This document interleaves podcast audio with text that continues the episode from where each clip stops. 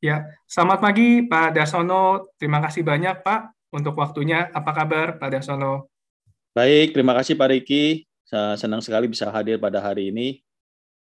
Ya, terima kasih banyak lagi Pak untuk kesediaannya meluangkan waktu untuk sharing pengalaman dari Pak Darsono. Mungkin saya sedikit memperkenalkan tentang siapa Pak Darsono. Jadi Pak Darsono Hartono adalah CEO dari PT Rimba Makmur Utama yang merupakan pengelola dari Katingan Mentaya Project yang merupakan salah satu lahan gambut utuh terbesar di Asia Tenggara ya Pak. Dan perusahaan ini juga bergerak di bidang konservasi dan juga uh, restorasi dari hutan seperti itu. Nah, sangat menarik dan uh, bersyukur Pak Dasono karena bersedia meluangkan waktu karena banyak hal khususnya hari ini terkait dengan uh, climate change, tentang konservasi hutan dan juga terkait dengan ESG, bagaimana kita menjalankan bisnis juga dengan uh, memerhatikan faktor lingkungan, community dan sebagainya. Nah, di sini saya rasa akan banyak sekali nih pengalaman yang bisa didapatkan dari uh, sharing Pak Darsono seperti itu. Nah, mungkin sebelum kita bahas lebih jauh Pak tentang hal-hal tadi, saya ingin tanya sedikit tentang uh, latar belakang dari Pak Darsono. Biasanya ini pertanyaan yang saya suka tanyakan di awal untuk lebih memahami latar belakang dari Pak Darsono, eh, masa kecilnya di mana, kemudian eh, sempat eh, sekolah di mana Pak Darsono. terima kasih Pak Deki. Saya lahirnya di Medan, jadi hmm. sebenarnya saya orang daerah. Ya, jadi papa mama saya itu pedagang lah di, di oh, Binjai okay. sebenarnya, lebih yeah. Sekitar 10-11 km utara Medan. Jadi saya sempat tinggal di Binjai sampai umur 10. Yeah. Akhirnya saya pindah ke Jakarta, saya ingat itu kelas 6 SD. Saya SD di Jakarta, SMP di Jakarta, dan SMA saya di Jakarta juga. Oh, Oke. Okay. Uh, sesudah itu saya dikasih kesempatan uh, untuk kuliah di Amerika Hmm, iya, iya. Dan waktu itu Pak Darsono kuliah di Cornell University ya, Pak? Boleh dijelaskan juga waktu itu kalau saya tidak salah ambil industrial engineering ya, Pak? Betul. Ada alasan jadi, khusus, Pak? Hmm. Jadi waktu kecil itu saya sebenarnya suka bisnis dan saya juga suka teknik. Dan uh, karena ya. emang zaman-zaman kita itu tahun 90-an kalau umpamanya orang nggak ke bisnis uh, biasanya ke ke teknik ya kalau nggak jadi insinyur ya jadi jadi dokter Andes lah uh, keuangan atau financials gitu ya. Jadi saya memilih teknik industri karena itu kayak jembatan dua-duanya. Saya bisa bisnis, hmm. saya juga bisa teknik. Ya kebetulan memang sekolahnya nggak pinter-pinter banget juga, jadi nggak bisa yang teknik-teknik yang luar biasa. Jadi akhirnya saya ambil teknik industri. Hmm. Jadi begitu saya lulus tahun 91 dari SMA di Jakarta, saya itu sebenarnya mulainya di University of Iowa, jadi di Amerika. Oh, Jadi okay. kalau umpamanya dulu itu kan nggak ada internet ya, Rick. Jadi kalau kita mm. ngomong mulai sekolah itu kita ada namanya Peterson College Guidebook. Jadi oh, itu benar-benar okay. tebal banget semua yeah. universitas di Amerika.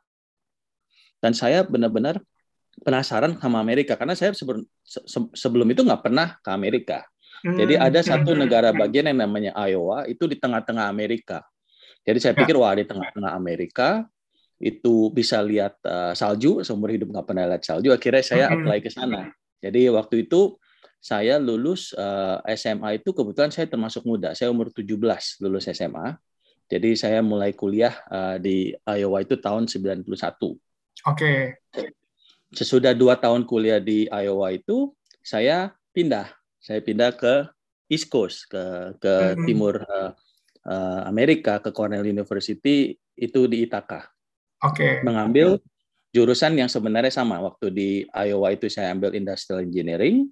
Kalau di Cornell itu saya ambil operation research. Jadi bagian dari industrial hmm. engineering yeah. lebih spesifik lagi.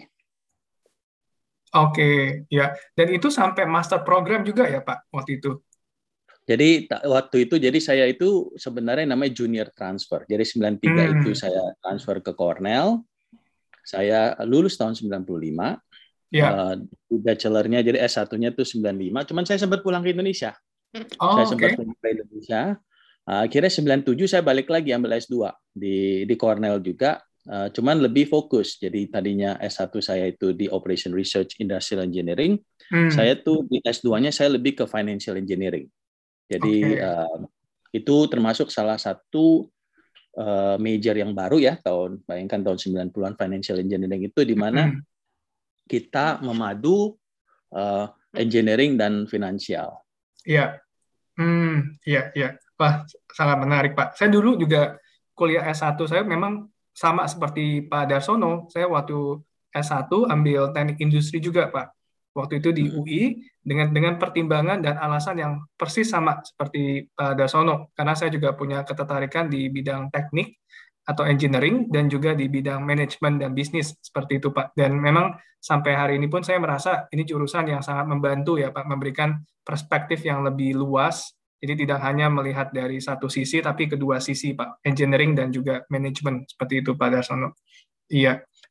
Dan kemudian uh, setelah lulus dari uh, kampus, Pak Dasono juga sempat berkarir ya Pak sebagai konsultan juga di uh, eh, PwC dan juga uh, sempat di, di JP Morgan. Bisa diceritakan juga Pak pengalamannya waktu itu Pak? Jadi tahun um, 95 kan saya lulus S1. Saya hmm. sempat pulang, bantu orang tua sedikit lah di sini sampai tahun 97. 97 saya balik lagi S2 98 saya lulus, akhirnya saya bekerja di Amerika. Saya mulai karir saya di waktu itu baru ada merger antara Pricewaterhouse dan Coopers and Lybrand. Jadi oh, nama okay. perusahaan yang sekarang kita ketahui sebagai Pricewaterhouse atau yeah. PwC. Nah, saya itu mulai karir saya itu di bidang konsultan bagian real estate. Mm, Jadi mm. saya itu uh, sebagai analis uh, melakukan valuasi real estate di Amerika, gimana kita bisa melakukan underwriting, gimana kita bisa mendapatkan pinjaman dan lain sebagainya. Hmm. Sesudah um, saya masih ingat-ingat nih, sesudah tiga tahun saya di PwC, saya pindah ke JP Morgan karena yeah. lebih ke bankingnya di, di di di New York juga. Jadi kebetulan hmm. saya sempat enam tahun di New York berkarir. Oh, okay. nah, di di JP Morgan itu saya juga uh, tugasnya bukan kalau umpamanya di konsultan itu lebih ke urusin valuasi dan lain sebagainya. Kalau di JP Morgan itu saya tugasnya itu sebagai kalau umpamanya orang di bank itu orang bilang loan officer. Jadi saya itu hmm. bertanggung jawab khususnya di bidang peminjaman yang berbasis real estate komersial. Jadi okay. contohnya di Amerika apabila Anda punya gedung uh, office gitu ya. Anda uh, ke kami bilang, oh saya mau minjem uang segini gitu. Jadi tugas yeah. saya itu melakukan analisa, Betul. berbicara dengan um, uh, pemilik uh, gedung, di mana kita hmm. bisa meminjamkan dana atau loan kepada yeah. uh, pe pemilik gedung tersebut. Oke, okay. oke. Okay. Dan itu, nah ini saya melihat transisi yang cukup menarik ya Pak. Setelah sebelumnya bekerja sebagai konsultan, uh, di PwC dan juga di uh, sebagai sebagai banker atau sebagai associate di JP Morgan, apa yang kemudian mencetuskan Pak Dasono untuk uh, pulang ke Indonesia dan juga kemudian memulai PT Rimba Makmur Utama, Pak? Jadi saya dari dulu itu memang maunya jadi pengusaha. Mungkin karena papa pengusaha ya, walaupun yeah. pengusaha kecil di daerah. Saya itu selalu bermimpi itu ingin jadi pengusaha. Yeah. Dan saya melihat karir di Amerika memang sudah saatnya saya harus mengambil keputusan apakah saya meneruskan karir saya di sana hmm. dan akhirnya settle di sana atau saya itu mau pulang. Okay. Jadi tahun uh, eh, 2004 saya itu pas umur sekitar 30 ya. Jadi 30 yeah. tahun. Itu saya pikir this is uh, juncture of my life to saya have to make a decision. Hmm. Dan kebetulan saya orang yang cukup dekat dengan keluarga dan karena mimpi ingin jadi pengusaha, di Amerika kan susah ya jadi pengusaha itu nggak gampang. Iya. biasanya karirnya. Jadi saya uh, mengambil keputusan untuk balik. Cuman hmm. itu pun harus papa dan mama ke Amerika jemput saya karena saya sebenarnya nggak mau balik. Iya. Hmm, hmm. Dan waktu itu memang sudah punya uh, ide untuk memulai usaha ini atau waktu itu lebih ke arah oke okay, saya pulang dulu ke Indonesia dan saya akan mencari ide atau peluang bisnis Pak di Indonesia. Jadi begitu saya pulang tahun 2004, saya itu uh, ya tidak langsung jadi pengusaha ya yang namanya pulang hmm. kita mesti belajar kondisi Betul. Indonesia seperti apa aja. Kira saya memulai karir dulu kerja dengan uh, profesional juga uh, dengan perusahaan beberapa perusahaan. Akhirnya uh, waktu itu belum kepikiran mengenai uh, PT Rimba Makmur Utama ataupun hmm. kegiatan yang ingin saya lakukan. Cuman selalu berpikiran pengen jadi pengusaha sampai sekitar bulan Oktober saya ingat September atau Oktober tahun 2007. Oke. Okay. Saya itu mengunjungi uh, konferensi uh, GAPKI ya, gabungan asosiasi gabungan pengusaha kelapa sawit Indonesia di Bali. Hmm. Waktu itu saya diajak sama teman uh, kita juga dari Cornell bilang Dar, kayaknya lumayan menarik nih bisnis kelapa sawit. Jadi saya yeah. hadir di acara di Bali itu di mana saya bertemu lagi dengan rekan bisnis saya yang sekarang Pak Rezal Kusumatmaja. Jadi Pak Rezal hmm. itu sama saya bareng-bareng kuliah di Cornell. Oke. Okay. Tahun uh, kita sempat uh, sekitar uh, saya ingat ya sekitar satu tahun bareng 93 94 hmm. ya. Uh, beliau akhirnya ambil S2 di Hawaii. Yeah. Jadi tahun 2007 itu akhirnya kita reconnect lagi. Walaupun hmm. sempat ngobrol di telepon, kebetulan beliau memang tinggal di Bali Beliau itu uh, waktu itu punya consulting firm yang benar-benar melihat masalah yang sekarang kita ngomong sustainability ini. Iya. Jadi waktu saya bertemu Rezal kembali di Bali itu, kebetulan dia juga lagi hadir di acara konferensi itu, hmm. konferensi hmm. kelapa sawit itu. Jadi kita ya. ketemu, dari connect, tadinya itu cuma konferensi dua hari karena kebetulan beliau tinggal di Bali, dia ya. menawarkan kepada saya, Dar, udahlah, ngineplah di tempat saya. saya mau mengajar, kita kita mau sama-sama belajar mengenai karbon kredit kehutanan. Jadi pertama okay. kali saya mendengar istilah. Iya. saya, saya pikir ya beliau ini kan kebetulan dia di consulting firm ya, dia juga mm -hmm. sangat aktif di sustainability Cuman saya sendiri waktu itu tidak mengerti apa sustainability itu, Ricky. Jadi yeah. benar-benar kita bayangkan tahun 2007, Pak Rezal itu punya mimpi dar kita tuh bisa berbuat baik terhadap lingkungan, mensejahterakan masyarakat dan bisa menghasilkan uang untuk perusahaan. Mm-hmm. Terus terang waktu saya mendengar Rezal ngomong begitu, saya bilang he's out of his mind. Mana ada. Iya. Dan kebetulan memang saya pikir ya udahlah, saya ditawarin tempat gratis di Bali di rumahnya, kita bisa catch up dua hari lagi, hmm. saya bersedia.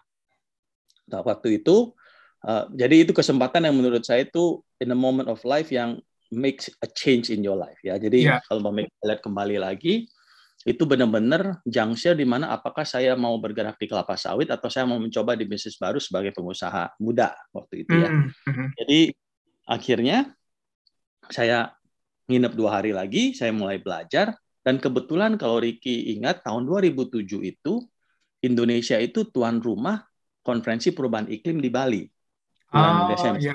Hmm, hmm, hmm. karena karena beliau, jadi beliau itu uh, menantang saya, eh Dar, ini ada bisnis baru. Karena kalau Rezal sendiri itu benar-benar dia urban planner, dia mengerti masalah sustainability dari segi teknis. Kalau saya yeah. itu mungkin lebih dari segi keuangan dan bisnis ya.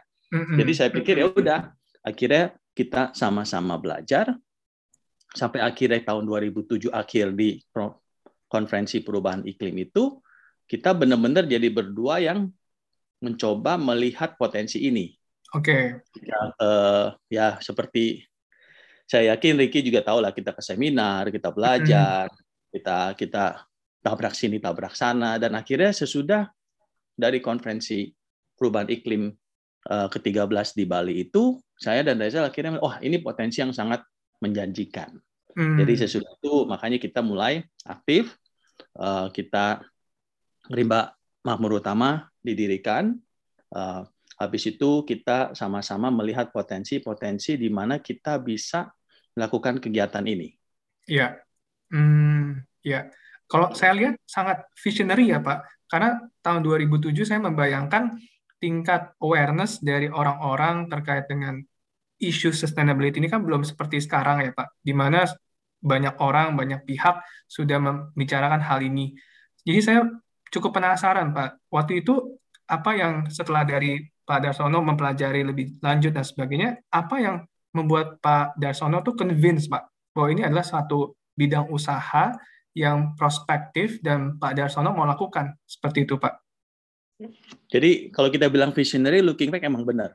Jadi dua anak muda yeah. lulusan Amerika, mm. punya mimpi, dan kita mimpinya tadinya mulainya kecil tuh Ricky. Sebagai mm. informasi tadi waktu bayangkan saya mau jadi pengusaha kelapa sawit, saya ngebayangkan yang namanya seribu hektar aja udah besar.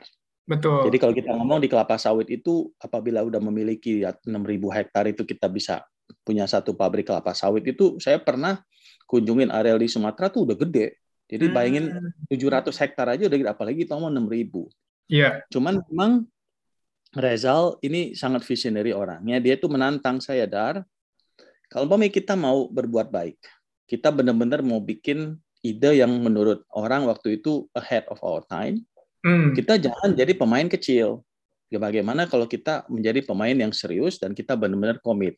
Jadi yeah. dari areal yang tadinya kita mau 1000 hektar ke 10.000 hektar, sampai akhirnya kita tuh di atas 100.000 hektar. Jadi oh, wow. sebagai, sebagai informasi, Katingan Mentaya Project dengan area 157.000 hektarnya itu sekitar dua kali negara Singapura. Jadi memang oh, wow. um, vision is vision ya. Jadi waktu yeah. itu memang kita mengakui kita berdua ini tidak punya background dalam hal pengelolaan uh, lahan. Hmm. Cuman hmm. karena Rezal punya background di urban planning dan kita benar-benar punya satu intensi yang baik, punya komitmen, menurut saya ini boleh dicoba. Hmm. Dan berkacamata dasar dari saya di bidang real estate, waktu itu saya sangat naif. Ya, seperti hmm. biasanya kita kalau looking back kan ada yang hal-hal naif yang kita lihat kok lucu ya seperti itu. Saya itu melihat dari segi bagaimana kalau umpamanya di real estate itu kan ada apresiasi ya. uh, nilai ya. Jadi kalau umpamanya kita lihat ada apresiasi nilai, sedangkan saya melihat masalah lingkungan ini bisa menjadi aset yang baru. Hmm. Sehingga yang dibandingkan itu apresiasi antara tanah yang saya miliki atau hutan yang saya miliki itu mana yang lebih cepat. Jadi dari situ ya hmm. menjadi kita saya ber, ber, ber, saya melihat potensi ini dan kita mencoba. Hmm, hmm, iya. Dan waktu itu Pak, saya membayangkan juga mungkin tidak mudah ya Pak untuk uh, meyakinkan berbagai macam stakeholders yang ada gitu. Mulai dari bahkan dari mencari tim untuk bisa mau terlibat di dalam uh, project yang ada ini Pak. Boleh di di share juga Pak tantangan-tantangan khususnya pada saat early days itu apa saja waktu itu Pak? Ya tantangannya banyak. Cuman emang uh, kita selalu beruntung ya. Selalu ada hmm. pihak yang membantu, yang melihat kami itu um, uh, sebagai anak muda yang benar-benar berkomitmen. Jadi yeah. saya sama Rizal tuh um, punya ide. Akhirnya kita melihat areal. Kebetulan ada beberapa areal yang kita lihat ada di Kalimantan Barat, ada di Kalimantan uh, Tengah, dan akhirnya kita mendapatkan areal di Katingan Mentaya ini. Saya masih ingat pertama kali kalau kita ngomong roadshow ya Hmm. Jadi saya ini kita kebetulan memang peraturan untuk perizinannya aja belum ada. Jadi okay. kita harus menunggu dari segi perizinan. Waktu itu pemerintah hanya punya izin yang namanya izin HPH atau hmm. istilah itu uh, uh, kalau orang bilang itu menebang hutan, uh, yeah. atau izin HTI yang menanam terus menebang. Nah, hmm, hmm. dari segi regulasi akhirnya mereka mengeluarkan izin restorasi ekosistem. Saya ingat pertama kali saya dan Rezal benar-benar pengen uh, memaparkan ide kami itu, kami diundang di acara seminar uh, lahan gambut di Kucing, Malaysia. Jadi hmm. lahan ya. gambut ini kan yang kebetulan menjadi jadi jadi area yang kami kami pelajari dan kami melihat berpotensi untuk dikembangkan menjadi proyek karbon. Hmm. Hmm.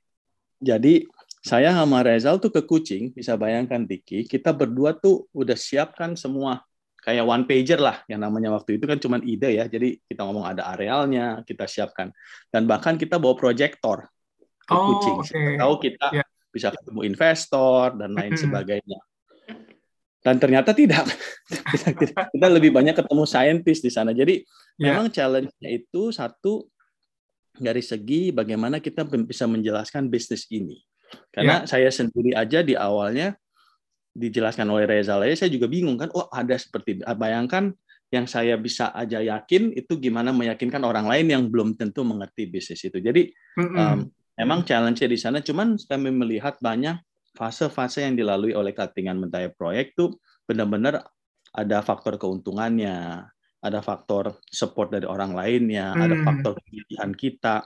Dan saya lihat looking back kan udah 15 tahun ya Ricky ya. Yeah. Saya sih benar-benar bersyukur dan berterima kasih kepada orang-orang yang membantu kami selama 15 tahun ini di mana kami sudah hampir uh, menyerah, akhirnya enggak ladar. Hmm. Jadi saya tuh bisa bayangkan um, untuk cuttingan mentaya project sendiri, Pak Rezal itu karena dia punya consulting firm, dia tuh masih bekerja di consulting firm itu, sedangkan saya secara pribadi dedicate 100% waktu kami untuk kegiatan ini. Sehingga oh, kasarnya okay. saya tidak digaji. Hmm. saya tidak digaji. Jadi saya satu-satunya uh, karyawan hmm. PT Rimba Mamurutama itu sampai tahun 2013.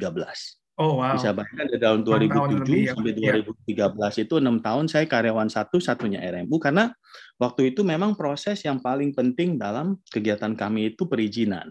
Iya. Jadi butuh sekitar lima tahun untuk akhirnya kami bisa mendapatkan izin. Jadi kalau fast forward ke sekarang tahun 2021 pegawai kami sudah hampir sekitar 300 yang full time. Hmm. Yeah. Part time kita di musim kemarau tuh kita bisa sampai sekitar 800 orang. Jadi ya kembali lagi saya bersyukur, berterima hmm. kasih kepada semua teman-teman yang membantu proses perjalanan kami ini. Iya, wah luar biasa Pak. Kalau untuk para pendengar kita mungkin ada ada beberapa yang masih belum terlalu familiar Pak dengan konsep uh, carbon credit trading atau carbon finance Pak. Mungkin kalau Pak Darsono boleh membantu untuk memberikan sedikit penjelasan Pak termasuk tentang apa sih yang sebetulnya kita kerjakan atau Pak Darsono dan tim kerjakan tuh di di cuttingan Mentaya Project ini, Pak? Hmm, Oke, okay. jadi kalau kita bilang sebenarnya kok ada yang namanya carbon credit ya. Hmm. Kalau kita tarik um, sejarahnya, carbon credit ini diciptakan karena memang ada permasalahan mendasar bagaimana industrialisasi kita ini menghasilkan emisi yang sangat luar biasa. Ya. ya, di mana kita tahu bahwa gas rumah kaca, ini menyebabkan perubahan iklim sehingga bisa terukur um, bagaimana efek dari industrialisasi ini untuk keberlangsungan manusia 100 tahun ke depan. Hmm.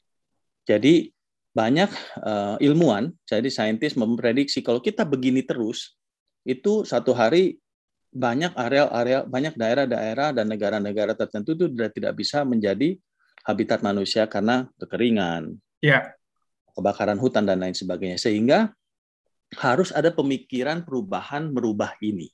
Hmm. Salah satu cara merubah ini kita harus ada yang namanya transisi ke low carbon development. Nah, dari masa transisi ini kita bisa melihat produk yang dikeluarkan untuk supaya ada insentif orang melakukannya. Betul, ya. Sebagai contoh, kalau kita lihat dari profil dunia, emisi yang dikeluarkan oleh oleh oleh gas rumah kaca yang dikeluarkan dunia itu sekitar hampir 18 sampai 20 persen itu dari sektor lahan. Hmm. Sektor lahan, kenapa sektor lahan ini bisa menghasilkan emisi? Karena biasanya terjadi perubahan fungsi yang dari hutan menjadi tidak hutan, menjadi hmm. menjadi menjadi tambang, perkebunan, ya, menjadi, ya. menjadi tambang dan lain sebagainya. Hmm. Sedangkan sedangkan 80 persennya itu dari sektor seperti transportasi, fossil fuel dan lain sebagainya. Jadi waktu di konferensi perubahan iklim itu tahun 2007 waktu kita mulai itu ada inisiatif yang namanya Reducing Emission from Deforestation and Degradation atau hmm. REDD. Yeah. Jadi inisiatif itu diberikan supaya negara-negara yang bisa yang memiliki hutan um, yang yang masih bagus, apabila dia bisa menurunkan emisinya dengan mempertahankan hutannya, itu dia bisa menurunkan emisi yang tadi saya bilang 20% dari dunia. Hmm, betul. Nah, kegiatan emisi kegiatan ini dapat dikuantifikasi sehingga produk yang dikeluarkan itu namanya carbon credit. Hmm. Jadi itu carbon credit itu sebenarnya adalah jasa lingkungan yang kita berikan dengan kegiatan seperti konservasi, ataupun menanam sehingga tidak terjadi emisi gas rumah kaca karena akibat areal kami ini dijaga dibandingkan dengan areal ini tidak dijaga terjadi kebakaran terjadi hmm. hmm. Uh, deforestasi jadi itulah jadi yang kita ya. jual itu sebenarnya jasa lingkungan ya Ricky hmm. jadi tidak ada istilah karbon wah saya masih ingat tahun 2009 saya ke kampung-kampung saya menawarkan ide ini ke masyarakat, ya, terus karbonnya nanti dibawa ke mana, Mas? dipikul. Jadi mereka memikir karbon ya, fisiknya, saya, ya. mungkin ya. fisik dalam arti kata hmm. Kalau Ricky ingat dulu ya, kalau saya waktu kecil itu kita ada yang namanya kertas karbon. Ini ya. kertas karbon itu dipakai Betul. untuk mencetak. Ya. Nah, jadi di mata masyarakat itu seperti itu karbon itu gitu loh. Jadi ya. memang um, tidak gampang menjelaskannya. Cuman kalau umpamanya saya menjelaskan dengan as simple as kita menjaga hutan, hmm. dan akhirnya kita dikasih secara ilmiah bisa terbukti kita menjaga hutan sehingga tidak ada emisi, kita tuh dikompensasikan melalui carbon credit gitu loh. Hmm, dan carbon credit ini nanti dibeli oleh berbagai korporasi atau perusahaan seperti itu ya Pak Gasono ya? Betul. Jadi kalau hmm. kita lihat, oke, okay, itu dari segi supply-nya, dari carbon yeah. credit-nya. Dari segi demand-nya itu sebenarnya kok ada gitu ya. Jadi kita lihat karena perubahan iklim ini sudah menjadi saat uh, apa hal yang sangat mainstream, dan di mana kita melihat juga banyak perusahaan melihat ini sebagai tantangan yang luar biasa, sehingga mereka pun mulai melakukan kegiatan-kegiatan operasionalnya untuk menurunkan emisinya. Hmm. Cuman kan tidak setiap sektor, setiap industri itu bisa melakukan. Ada yang namanya transisi. Ya kan kasarnya gini, kalau kita tadinya punya uh, pembangkit listrik uh, berbasis batu bara, Nah, mungkin tiba-tiba kita tutup itu dan besok kita bikin berbasis solar atau angin kan. Harus hmm. ada transisinya. Nah, yeah. di, walaupun dalam waktu yang sama perusahaan itu punya komitmen bakal kita akan istilahnya itu net zero. Hmm. Uh, atau yeah. carbon positif ya net zero initiative per tahun 2050 sehingga ada masa transisi yang harus dilalui dan hanya dengan uh, melakukan kegiatan membeli carbon offset sehingga masa transisi itu bisa terjadi. Nah, makanya demand-nya terbentuk dari hmm. dari kegiatan tersebut. Jadi emang ada kita dari supply-nya, ada demand-nya. Cuman karena kenapa? Kita lihat ini kan, kalau kita lihat bumi itu kan satu gas rumah kaca sebenarnya. Iya. Jadi ada kegiatan yang sini mulai menurunkan, kini sudah bisa mencegah. Akhirnya uh, emisi dari kegiatan semua manusia di bumi itu bisa diturunkan. Jadi ada insentif dan kebetulan memang Indonesia itu sangat strategis karena Indonesia memiliki hutan tropis yang luar biasa. Betul. Punya. Jadi kalau umpamanya dulu istilahnya itu yang saya bilang reduction emission from deforestation from degradation, itu menurut saya akronimnya terlalu saintifik ya. Hmm. Sekarang istilah kerennya itu namanya NBS, Nature Based Solution. Kenapa disebut Nature Based Solution? Karena manusia akhirnya mengakui bahwa kita butuh alam untuk kehidupan kita. Hmm. Jadi alam itu bisa menjadi solusi menurunkan emisi di masa depan. Ya. Nah, makanya istilah jadi nature based solution dan itu benar-benar meresonate ke semua orang dengan gampang. Kalau Betul. saya cerita reduction emission, jadi apa itu ya? Kalau kita bilang kita butuh alam, kita harus jaga alam karena alam itu bisa benar-benar dengan uh, tumbuhnya pohon dan lain sebagainya itu bisa menarik atau menurunkan emisi yang telah terjadi selama ini. Jadi hmm. karena akronim ini sempat uh, udah berubah selama tiga tahun terakhir dan memang saatnya perusahaan sudah berpikiran seperti itu, makanya terbentuk demand dan supply-nya sehingga um, terjadi transaksi perdagangan karbon yang seperti sekarang ini. Wah, sangat menarik Pak. Ini memang jenis bisnis yang kalau saya melihat sangat ideal ya Pak, karena baik untuk lingkungan, baik untuk community dan juga uh, at the same time kita bisa make profit atau keuntungan seperti itu ya Pak. Nah, saya mungkin mau tanya juga Pak Dasono sebagai uh, seorang yang sudah berkecimpung di industri ini cukup lama ya Pak, sudah hampir 15 tahun sejak tahun 2007. Uh, eh, bagaimana Pak Darsono melihat perkembangan Pak di khususnya di Indonesia terkait dengan bagaimana perusahaan ataupun institusi melihat uh, terkait dengan industri ini dan khususnya terkait kalau kita melihat lebih luas terkait dengan bagaimana kita bisa addressing uh, climate change issue ya Pak yang ada di Indonesia. Apakah Pak Dasona melihat sudah lebih banyak awareness yang terbentuk dan banyak inisiatif? Are we progressing uh, in in a, in a good direction Pak? Jadi terus terang kalau kita lihat kan kita sambil belajar ya. Terus terang hmm. kami sendiri dari Katingan Mentai Project melihat proses 15 tahun ini pun merupakan suatu suatu proses pembelajaran. Ya. Jadi ya, bagusnya pemerintah sekarang sudah sangat progresif. Hmm. Mereka melihat ini sebagai suatu potensi bisnis baru yang menurut saya sangat um, benar-benar menjanjikan karena kenapa? Ini satu-satunya bisnis yang secara transparan ya Ricky. Kita hmm. harus bisa buktikan satu kita bisa menurunkan emisi. Betul. Secara transparan dan diaudit, eh, benar-benar dimonitor, bisa mensejahterakan masyarakat. Dan yang ketiga yang pasti keuntungan perusahaan yang nggak usah diaudit itu otomatis yang bisa terjadi. Jadi bisnis ini benar-benar istilah itu win-win for semuanya.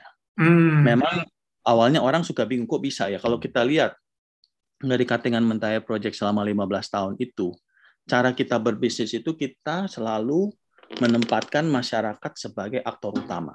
Iya.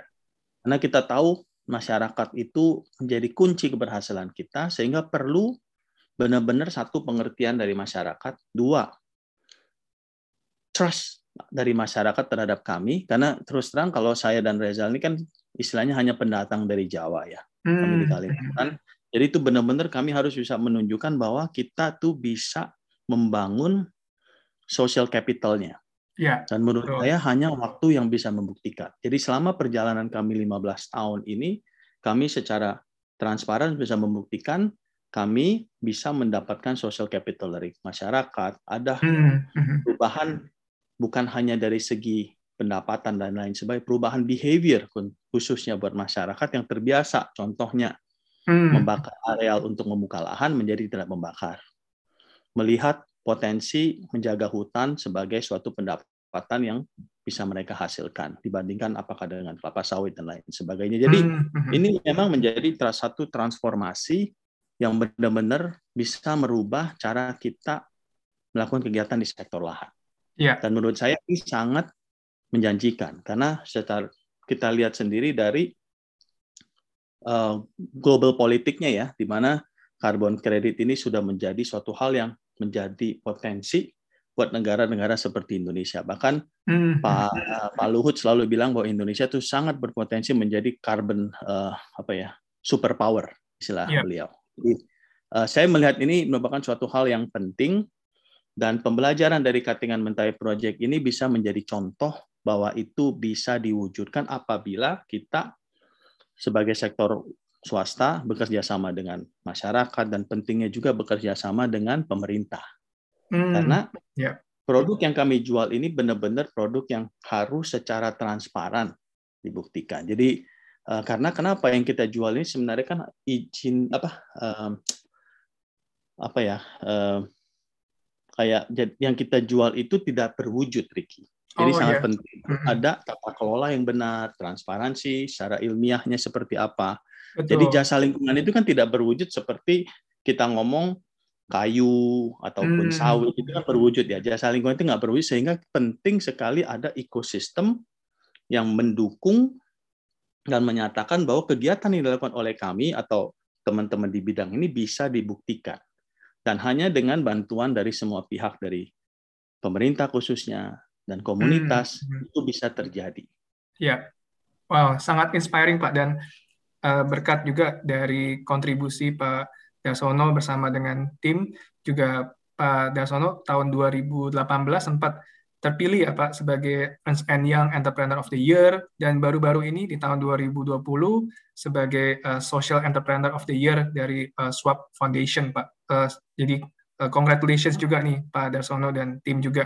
Mungkin pertanyaan terakhir dari saya Pak, saat ini juga dengan semakin banyak orang yang teredukasi terkait dengan pentingnya sustainability, banyak anak-anak muda juga nih Pak saat ini yang mereka juga mulai melihat uh, pentingnya dan mereka mulai banyak mau melakukan proyek-proyek yang berfokus kepada sustainability Pak. Uh, ada kira-kira masukan atau advice yang mungkin Pak Darsono bisa share Pak? Um, jadi tadi Ricky menyebutkan award award bagi saya award award itu justru bukan sayanya sendiri sebenarnya hmm, justru hmm. karena hmm. teman-teman karena staff jadi dukungan mereka lah yang ya. mencerminkan yeah. saya saya dapat awardnya jadi uh, menurut saya award itu penting juga buat awareness ke kita. Dan also juga apresiasi terhadap tim atas kerja keras kita yang saya sangat optimis uh, Ricky generasi generasi kalian yang milenial ini hmm. sangat sangat care terhadap isu ini khususnya yeah. sustainability. Jadi saya melihat banyak sekali entrepreneur-entrepreneur muda zaman sekarang, walaupun mereka berhubungan dengan teknologi, apakah itu, cuman mereka selalu punya purpose driven. Hmm. Jadi apakah itu kita lihat ya contoh-contohnya banyak sekali aplikasi-aplikasi atau teknologi company yang benar-benar uh, mengedepankan uh, inklusivitas. Ya, Contohnya betul. apa? Itu bergerak di bidang pertanian, bergerak hmm. di bidang uh, perikanan, dan mereka selalu melibatkan the bottom part of the society. Jadi saya ya. sangat optimis ya, terhadap uh, entrepreneur-entrepreneur muda yang bekerja keras dan mereka melihat ini sebagai potensi karena hanya dengan keinginan mereka seperti itu yang dunia kita bisa lebih baik. Betul. Jadi uh, cuman pesan saya terhadap teman-teman jangan mudah menyerah. Jadi hmm. memang yeah. kalau buat kami butuh 15 tahun, cuman saya yakin dengan teknologi yang lebih baik, dengan awareness hmm. yang lebih tinggi sekarang itu jauh lebih gampang. Yang namanya yeah. pengusaha entrepreneur itu biasanya tidak langsung jadi pengusaha langsung sukses, Ricky. Hmm. Harus ada masa-masa yang dilalui, ada masa mengisi ngulang, Ya. Dan ada masa yang harus di, di dilalui dan harus ada suatu kegigihan yang luar biasa. Jadi memang hmm. tidak semua orang dilahirkan untuk menjadi pengusaha Riki sebenarnya. Iya, betul. Betul. Wah, terima kasih banyak ini Pak Darsono uh, dari perbincangan kita ini saya pribadi banyak belajar nih Pak tentang dari sisi industrinya sampai juga dengan uh, dari sisi filosofi yang Pak Dasono punya nih terkait dalam menjalankan bisnis sebagai pengusaha dan sebagai pemimpin. Uh, terima kasih banyak lagi Pak Darsono untuk waktu dan juga untuk sharingnya Pak. Ini saya yakin banyak pendengar kita yang mendapatkan banyak manfaat Pak dari sharing ini. Terima kasih Riki atas kesempatannya. Ya, terima kasih Pak. Sehat selalu Sama -sama. Pak Darsono. Sehat selalu.